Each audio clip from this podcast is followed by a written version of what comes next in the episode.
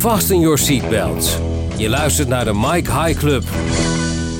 Ja, en vast justitie is wel een goed idee. Dit is een ingelaste uitzending van de Mike High Club podcast over luchtvaart.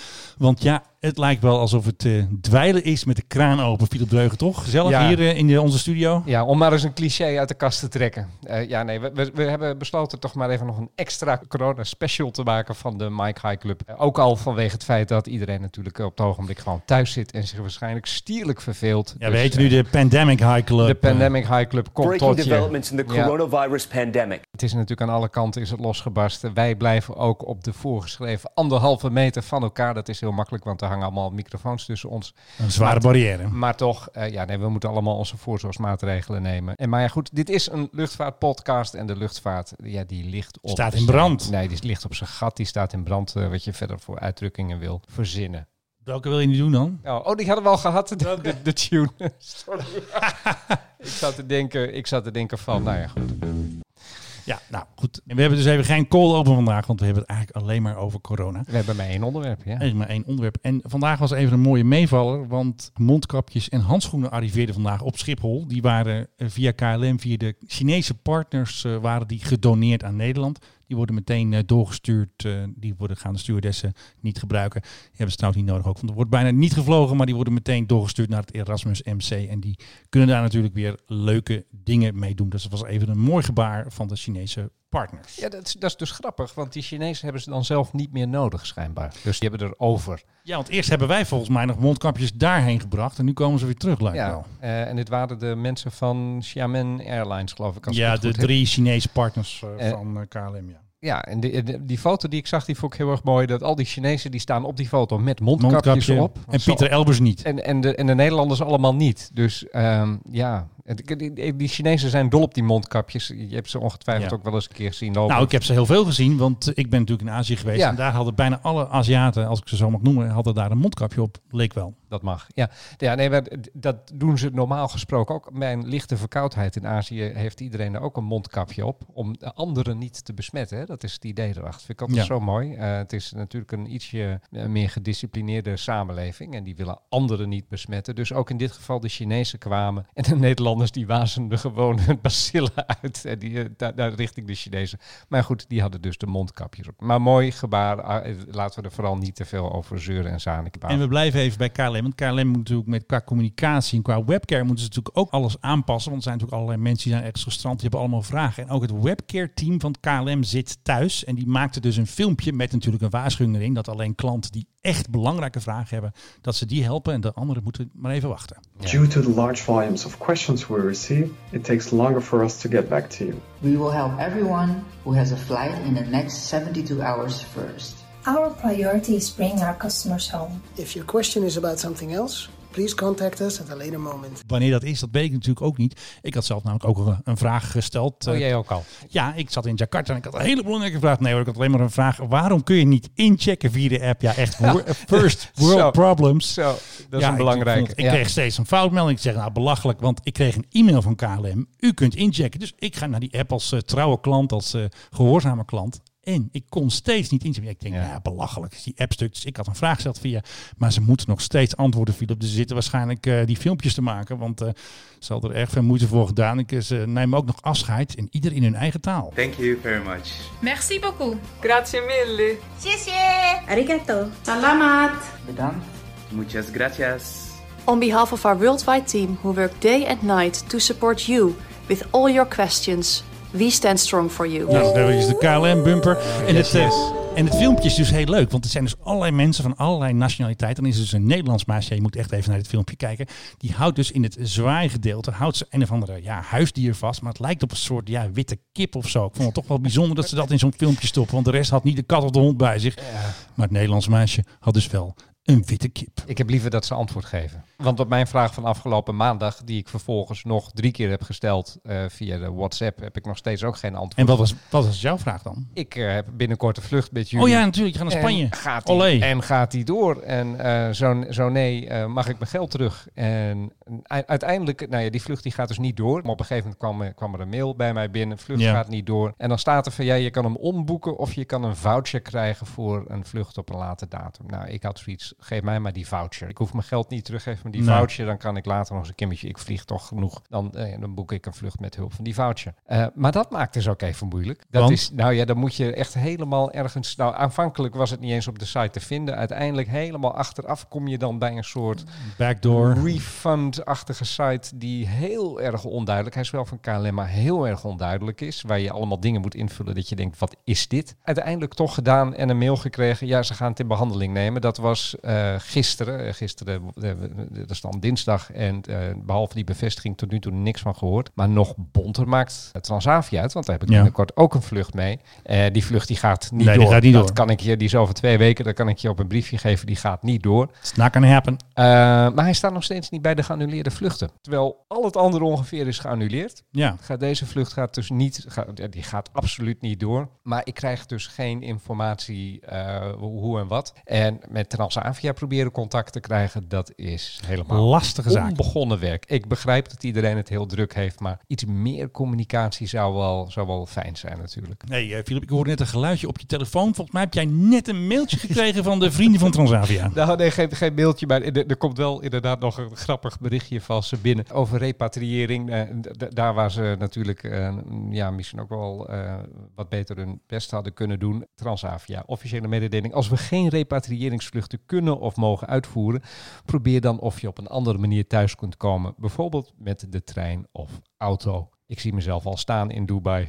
Nemen we de trein of nemen we de auto om, Vanuit de om- zandbak. om, om thuis te komen? En, Kan boven- zomaar. en bovendien, stel dat je in Spanje zit, wat dan nog wel zou kunnen. eh, je komt Frankrijk niet meer in. Ja, je mag in Spanje zelf niet eens de straat op. Je komt Frankrijk niet meer in, want die grens is dicht. Eh, stel dat je in Oostenrijk zit, eh, je komt Duitsland niet meer in. Kortom, als Ze, je- als ze je- bedoelen het goed, maar je hebt er niks aan. Als je ergens zit, blijf er maar zitten, zou ik. En stuur de rekening naar Transavia. Ja, want over communicatie gesproken. Gisteren communiceerde onze minister van Buitenlandse Zaken, Stef Blok, inmiddels vriend van de show, die communiceerde van jongens, het is overal code oranje, jullie mogen niet meer reizen. Het kabinet adviseert de komende periode niet naar het buitenland te reizen, tenzij dat strikt noodzakelijk is. Ja. Ja, Vakantiereizen naar het buitenland raden we af.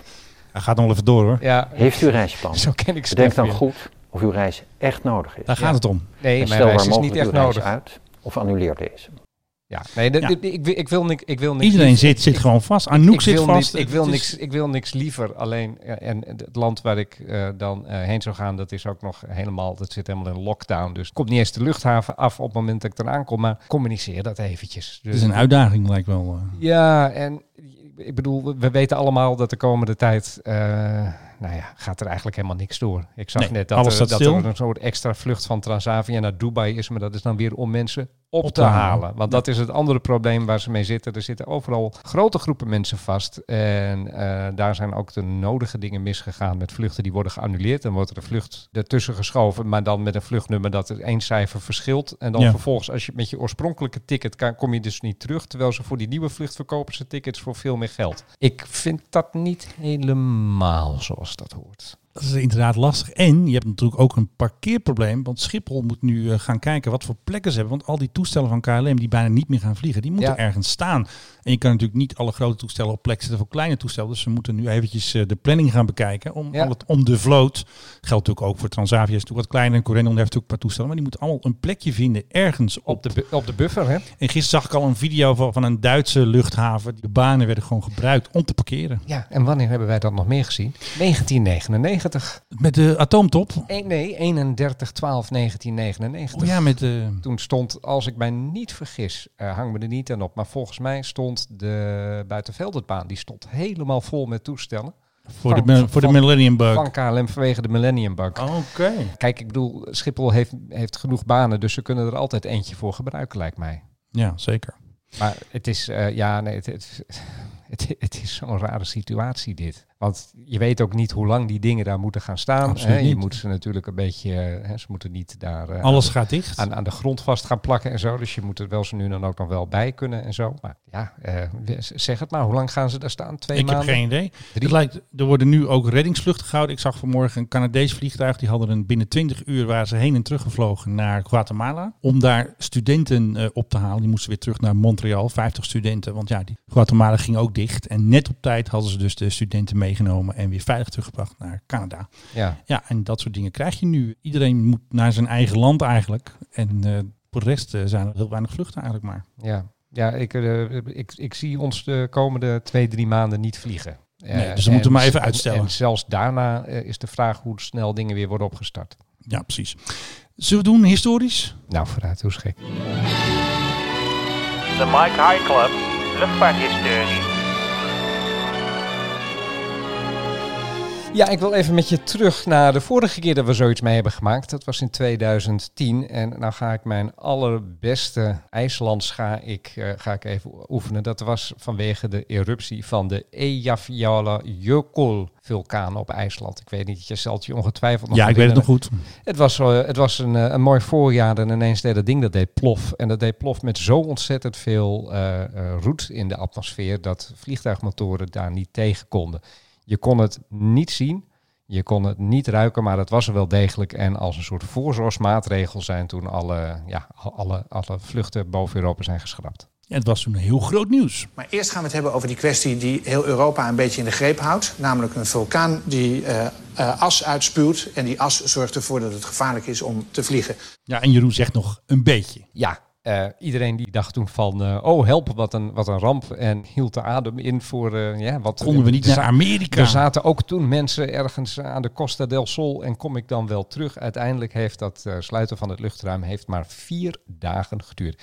15 tot en met 19 april in, in het geval van Nederland. Sommige landen waren al wat eerder open. En ik weet nog dat het 14 april was en dat ik buiten stond bij ja. het huis waar ik toen woonde. En ik keek, het was een strak blauwe lucht. En er was, die was al, ja, tijden was daar geen vliegtuig meer te zien. En ineens zag ik een wit streepje. Maar toen mocht er in Nederland nog net niet gevlogen worden. Dat was een toestel. Ik natuurlijk kijken even op de, een van de, van de radarbeelden. Uh, en ja. Nou ja, het was een vliegtuig uit Duitsland. Ja. En dat vond ik toen zo ontzettend oneerlijk.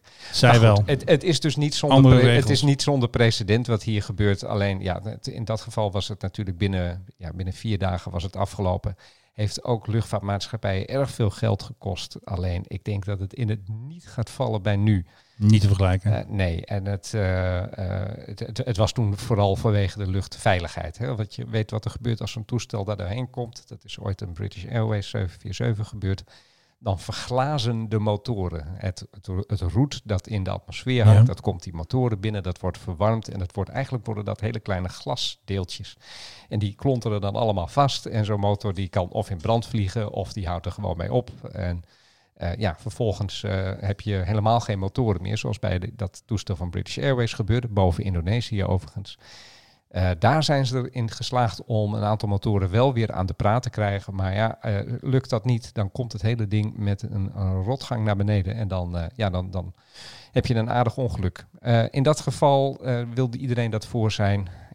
Uiteindelijk is gebleken dat het misschien iets te voorzichtig is geweest toen. Maar ja, je weet het in de luchtvaart, safety first. Nou, we gaan weer even terug naar corona, denk ik zo. Ik zag vanmorgen een tweet van een telegraafverslaggever. Zij moet nog terug uh, met Qatar Airways. En toen had ze dus een quote gevonden van de grote baas zelf van Qatar Airways. En ik ga nog eventjes deze mans naam eventjes voorlezen. Hij heet Akbar Al-Bakr. Wat is dat nou? Akbar, Akbar al-Bakr. Deze quote van hem is nu pas eigenlijk uh, opgedoken. Want hij uh, ja, had in februari had hij nog wel wat een andere mening toegedaan. Uh, het is zeg maar een soort van, net als als die gast van Ryanair, deze man die, die roept wel eens wat. En dat deed hij dus nu ook over het coronavirus. During the incubation period, okay, they say that uh, this uh, uh, virus is still can be transmitted. There is no scientific evidence for that. You, so it is just, you know, a fear factor. You know, you don't block aviation, you know, just because there is something in the air, but it's really not, a, there is a scientific fact. Ja, nou goed, inmiddels wat, zal wat, wat een leuke man dit zeg. Het lijkt me wel een leuk. Ik denk dat hij nu wel een iets andere mening is toegedaan, want het is, dit was natuurlijk een maand Zit geleden. hij nog op zijn post? Ik denk het wel. Dat op, op, in die landen laten ze hem iemand wel gewoon even zitten. Hmm. Ja. Ja, nee, goed.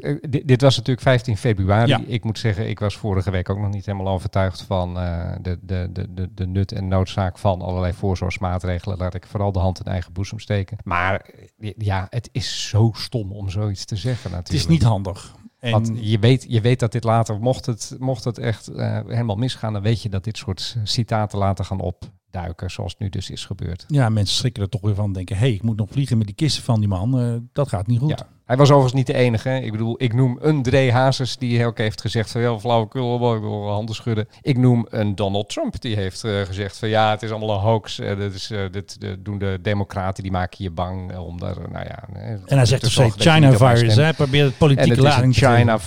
eh, dus eh, we waren totally under control. Dus eh, het is allemaal niet, eh, het is, het is allemaal niet eh, uniek natuurlijk. En die andere citaat, Trump en Dre Hazes, wie had zoiets in één zin verwacht. Ja, die, die, zijn, die zijn van wat recente datum. Wat maar weer eens is nog niet te laat. Wat maar weer eens bewijst dat je heel erg goed moet uitkijken. Ik heb een hele mooie tweet trouwens gezien vandaag met een filmpje erin waarin de mensen van Fox News in Amerika van eh, een week geleden Oh ja, en, van, draaien, en, en, van, en van nu werden ze naast elkaar gezet. En het ene moment zegt, eh, zeggen die mensen van Fox van wat een flauwekul dit en dit is allemaal verzonnen om Trump ten val te brengen. Ja. En het volgende moment zeggen ze het is een ramp en we gaan allemaal dood. Ja, ze hebben ergens het licht gezien natuurlijk. Kortom, ja. eh, en, maar daar worden ze nu wel mooi mee rond hun oren ge- ge- gesmeten. En eh, dit gaat Trump denk ik ook nog wel eens even een paar stemmetjes kosten. Want het is, eh, het is natuurlijk niet helemaal goed hoe hij hierop heeft gereageerd. Het prachtigste was die opname dat hij zei je moet geen handen meer schudden. Net als Rutte. En Rutte schudde toen ook handen. Ja. Maar Trump schudde niet alleen handen, maar zat daarna ook nog aan zijn gezicht. Dat is niet handig. Kortom, hij liet zien hoe, precies hoe het niet moet. De grote baas gaf niet het de- goede voorbeeld. Nee, dus deze, deze meneer van Qatar, ja, ik, ik gun hem een lange en indrukwekkende carrière. Maar eh, dit- slim is hij in ieder geval niet. Ja, en waar ze ook een beetje problemen hebben, waar het ook het bloedbad steeds groter wordt, dat weet jij, Philip. We houden het in de gaten vanwege onze weddenschap. Maar nu houden we, ja, de weddenschap. onze weddenschap ging flesje- eigenlijk. flesje eh, shampoo, hè? Ja, precies. En die ging eigenlijk over dit toestel. So when you think more, think Boeing 737 MAX 10. Ja. Ja, Max 10. Maar nu, eh, ja, op, op de beurs Andere- gaat het niet andere Max. tijden. op de beurs gaat het niet Max. Het gaat echt hardlopend achteruit. De, alles eh, wat Boeing nu aanraakt, dat verdampt eigenlijk. En de beurswaarde keldert heel erg. Ik heb net gelezen, jij hebt ook iets gelezen, ik heb gelezen dat de, ze hadden een creditline van 13,6 miljard dollar. En die, die is op, eigenlijk op, op Ja. de pop. Ja. En ze hadden nog wat centjes ergens in oktober al geregeld als een soort creditline. Maar goed, eh, in deze tijden van corona, waarin je geen vliegtuig produceert, mensen doen niets. ehm, ja, het is heel snel op. Dus ze moeten weer bij de banken en bij Trump aankloppen Maar dat voor is toch meer geld. Even, dat is toch wel even heel vlot gegaan. 13 miljard dollar. Zomaar er doorheen gedraaid. En dat is er in wat een maand doorheen gedraaid. Ik denk het wel, ja. Misschien sinds, ja, dat denk ik wel. Maar, maar, reken, maar reken even met me mee. Stel dat dit nog eh, een maand of drie, vier duurt. Dit kan zomaar het einde van Boeing zijn. Kan zeker. Nu, en nu, nu geloof ik er misschien iets meer in. Eh, ik kan niet meer nu zeggen too big, too fail. Kijk, de Amerikaanse overheid heeft al een megaplan eh van stal gehaald om iedereen te steunen, mensen geld te geven tot en met een biljoen dollar. Ja, en daar zal misschien ook wel een heel groot bedrag bij moeten zitten, of niet. Voor eh, Boeing om ze Ja. te redden, om ze de winter door te helpen. Of laten we eens maar even door de lente heen te Ja, helpen. Boeing heeft gezegd, de Amerikaanse luchtvaartindustrie, daar bedoelen ze dus zichzelf mee, heeft 60 miljard dollar nodig Ja, op korte termijn, om, Korte de- termijn om, de- om er doorheen te komen. En het Witte Huis lijkt genegen om dat wel te geven. Ja. Eh, ik vraag me dan af, is dat gewoon cold hard cash dat er ineens wordt gestort? Hier 60 miljard? Of zetten ze de, de geldpersen aan of zo? Maar goed, de Amerikaanse luchtvaartmaatschappijen hebben ook al 58 miljard dollar gehad. Ja, maar is dat gebleven? Ja, eh, en, maar het, het, het gaat dus echt hier in, in de honderden miljarden dollars lopen alleen al voor de luchtvaart. Vergeet even al die Nee, vliegvelden, dat kennen we de, niet meer, de, de, dus- de donut shops, de, Nee, de je moet even wachten auto, met donuts. auto, autoverhuurbedrijven. Al die andere dingen, die, ja, al die andere sectoren, die mensen die hiervan eten, die, ja, die gaan natuurlijk ook de, zeggen de van, hallo, toeleveringsbedrijven. zij geld, dan wij ook geld. Nou, er is ook gelukkig nog even wat goed nieuws te melden over Boeing. Ja, want hier- daar zijn we natuurlijk ook voor. Want er is nieuws over het regeringsvliegtuig van Amerika, de nieuwe Air Force One. Want ze zijn nu druk bezig, ondanks alle problemen. En dit de muziekje krijgt niet uit. Ondanks alle geldproblemen zijn ze toch eh, bezig met het in elkaar schroeven van de nieuwe Air Force One. En dat eh, doen ze ergens op een luchtmachtbasis. En daar ligt dus een kale Boeing 747-8. En daar gaan ze nu allerlei modificaties in aanbrengen. En gaan ze starten om daar de nieuwe Air Force One van te maken. Ja, jij zegt Dash 8, eh, een, een, een 800 neem ik aan. Ja, het, is, het, het is een nieuwe, maar hij heet de Dash 8. Hij Zo is hij Dash verkocht. 8, oké. Het, ze waren eerst voor eh, de Russische maatschappij, dus de Russische maatschappij is failliet gegaan. Hij is dus ook veel groter dan de oude Air Force One. Dat is natuurlijk een 747-200. Ja. En nu eh, gaan ze dus alles eruit slopen. Er komen er andere motoren in. Ze gaan er ook trappen in maken. Want er zitten twee, dat noemen ze air stairs. Dat zijn dus ingebouwde trappen. Om dus zeg maar zonder een slurf of een trap van het bezoekende land eh, kun je dus even goed het toestel in. Dat is dus die, die lage deur. Ja. Die zit niet op een gewone 7 hebben ze er twee van.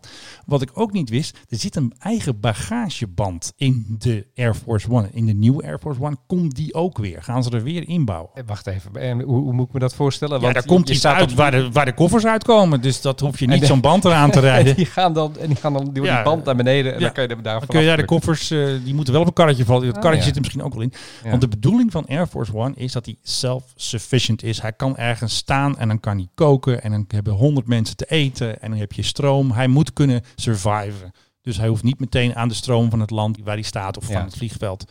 Heb ik nog wel even een belangrijke vraag aan je. Want natuurlijk de Air Force Ones die we kennen vanaf de jaren 60, die hebben het iconische design van meneer Lowy, de, de Frans-Amerikaanse ontwerper. Hè, dat prachtige, wat was het, meer schuim, blauw en zilver. Heel mooi.